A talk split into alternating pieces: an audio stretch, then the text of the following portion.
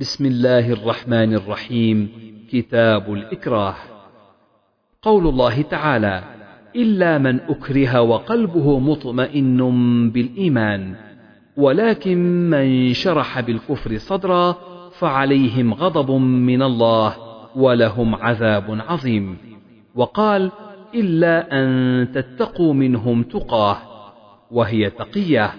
وقال إن الذين توفاهم الملائكة ظالمي أنفسهم. قالوا فيم كنتم؟ قالوا كنا مستضعفين في الأرض. إلى قوله واجعل لنا من لدنك نصيرا. فعذر الله المستضعفين الذين لا يمتنعون من ترك ما أمر الله به. والمكره لا يكون إلا مستضعفا غير ممتنع من فعل ما أمر به.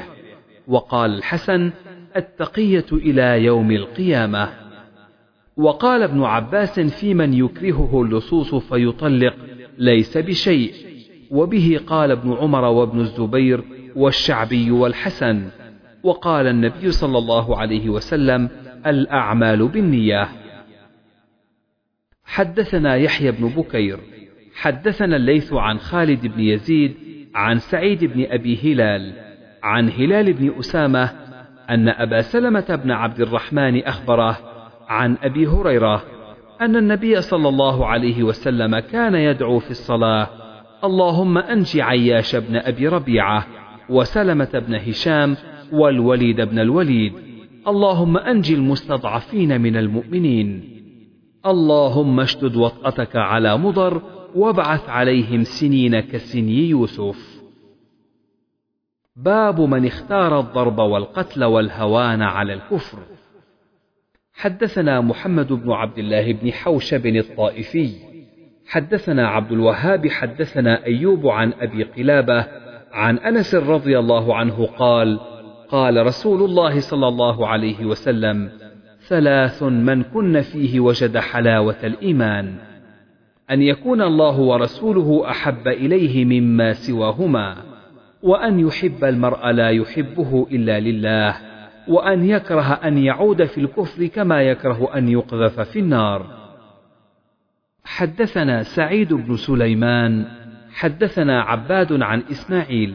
سمعت قيسا سمعت سعيد بن زيد يقول لقد رأيتني وإن عمر موثقي على الإسلام ولو انقض أحد مما فعلتم بعثمان كان محقوقا أن ينقض. حدثنا مسدد حدثنا يحيى عن إسماعيل حدثنا قيس عن خباب بن الأرت قال شكونا إلى رسول الله صلى الله عليه وسلم وهو متوسد بردة له في ظل الكعبة. فقلنا ألا تستنصر لنا؟ ألا تدعو لنا؟ فقال قد كان من قبلكم يؤخذ الرجل فيحفر له في الأرض فيجعل فيها فيجاء بالمنشار فيوضع على رأسه فيجعل نصفين ويمشط بأمشاط الحديد ما دون لحمه وعظمه فما يصده ذلك عن دينه. والله ليتمن هذا الأمر حتى يسير الراكب من صنعاء إلى حضرموت لا يخاف إلا الله والذئب على غنمه. ولكنكم تستعجلون. باب في بيع المكره ونحوه في الحق وغيره. حدثنا عبد العزيز بن عبد الله حدثنا الليث عن سعيد المقبوري عن أبيه عن أبي هريرة رضي الله عنه قال بينما نحن في المسجد إذ خرج علينا رسول الله صلى الله عليه وسلم فقال انطلقوا إلى يهود. فخرجنا معه حتى جئنا بيت المدراس. فقام النبي صلى الله عليه وسلم فناداهم يا معشر يهود أسلموا تسلموا. فقالوا قد بلغت يا أبا القاسم فقال ذلك أريد. ثم قالها الثانية فقالوا قد بلغت يا أبا القاسم. ثم قال الثالثة فقال اعلموا أن الأرض لله ورسوله وإني أريد أن أجليكم. فمن وجد منكم بماله شيئا فليبعه وإلا فاعلموا أنما الأرض لله ورسوله. باب لا يجوز نكاح المكره ولا تكرهوا فتياتكم على البغاء إن أردنا تحصنا لتبتغوا عرض الحياة الدنيا. ومن يكرههن فإن الله من بعد إكراههن غفور رحيم. حدثنا يحيى بن قزعة حدثنا مالك عن عبد الرحمن بن القاسم عن أبيه عن عبد الرحمن ومجمع بن يزيد ابن جارية الأنصاري عن خنساء بنت خذام الأنصارية أن أباها زوجها وهي ثيب فكرهت ذلك فأتت النبي صلى الله عليه وسلم فرد نكاحها. حدثنا محمد بن يوسف حدثنا سفيان عن ابن جريج عن ابن أبي مليكة عن أبي عمرو وهو ذكوان. عن عائشة رضي الله عنها قالت قلت يا رسول الله يستأمر النساء في أبضاعهن؟ قال نعم. قلت فإن البكر تستأمر فتستحي فتسكت. قال سكاتها إذنها. باب إذا أكره حتى وهب عبدا أو باعه لم يجز. وقال بعض الناس فإن نذر المشتري فيه نذرا فهو جائز بزعمه. وكذلك إن دبره. حدثنا أبو النعمان حدثنا حماد بن زيد عن عمرو بن دينار عن جابر رضي الله عنه أن رجلا من الأنصار دبر مملوكا ولم يكن له مال غيره فبلغ ذلك رسول الله صلى الله عليه وسلم فقال من يشتريه مني؟ فاشتراه نعيم بن النحام بثمانمائة درهم. قال فسمعت جابرا يقول عبدا قبطيا مات عام أول. باب من الإكراه كره وكره واحد. حدثنا حسين بن منصور حدثنا أصباط بن محمد حدثنا الشيباني سليمان بن فيروز عن عكرمة عن ابن عباس قال الشيباني وحدثني عطاء أبو الحسن السوائي ولا أظنه إلا ذكره عن ابن عباس رضي الله عنهما. يا أيها الذين آمنوا لا يحل لكم أن ترثوا النساء كرها. الآية. قال كانوا إذا مات الرجل كان أولياؤه أحق بامرأته. إن شاء بعضهم تزوجها وإن شاءوا زوجها وإن شاءوا لم يزوجها فهم أحق بها من أهلها. فنزلت هذه الآية بذلك.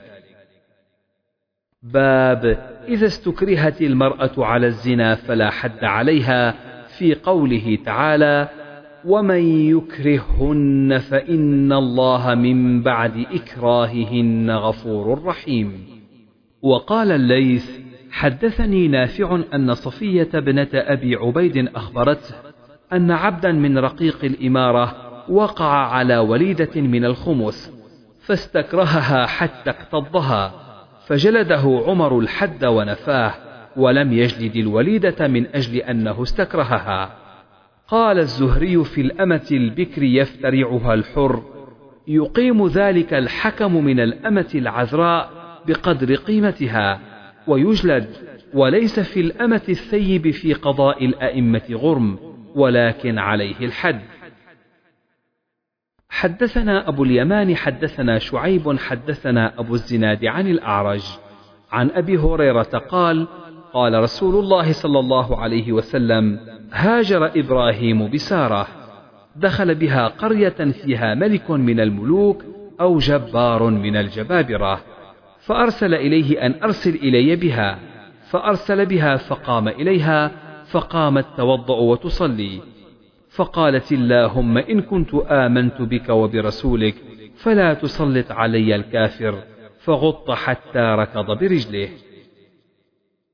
باب يمين الرجل لصاحبه أنه أخوه إذا خاف عليه القتل أو نحوه. وكذلك كل مكره يخاف فإنه يذب عنه المظالم ويقاتل دونه لا يخذله. فإن قاتل دون المظلوم فلا قود عليه ولا قصاص. وإن قيل له لتشربن الخمر أو لتأكلن الميتة أو لتبيعن عبدك أو تقر بدين أو تهب هبة وتحل عقدة أو لنقتلن أباك أو أخاك في الإسلام. وسعه ذلك لقول النبي صلى الله عليه وسلم المسلم أخو المسلم. وقال بعض الناس لو قيل له لتشربن الخمر أو لتأكلن الميتة أو لنقتلن ابنك أو أباك أو ذا رحم محرم. لم يسعه لأن هذا ليس بمضطر. ثم ناقض فقال إن قيل له لنقتلن أباك أو ابنك أو لتبيعن هذا العبد أو تقر بدين أو تهب يلزمه في القياس. ولكننا نستحسن ونقول البيع والهبة وكل عقدة في ذلك باطل. فرقوا بين كل ذي رحم محرم وغيره بغير كتاب ولا سنة. وقال النبي صلى الله عليه وسلم قال إبراهيم لامرأته هذه أختي وذلك في الله. وقال النخعي إذا كان المستحلف ظالما فنية الحالف وإن كان مظلوما فنية المستحلف. حدثنا يحيى بن بكير حدثنا الليث عن عقيل عن ابن شهاب أن سالما أخبره أن عبد الله بن عمر رضي الله عنهما أخبره أن رسول الله صلى الله عليه وسلم قال المسلم أخو المسلم لا يظلمه ولا يسلمه ومن كان في حاجة أخيه كان الله في حاجته.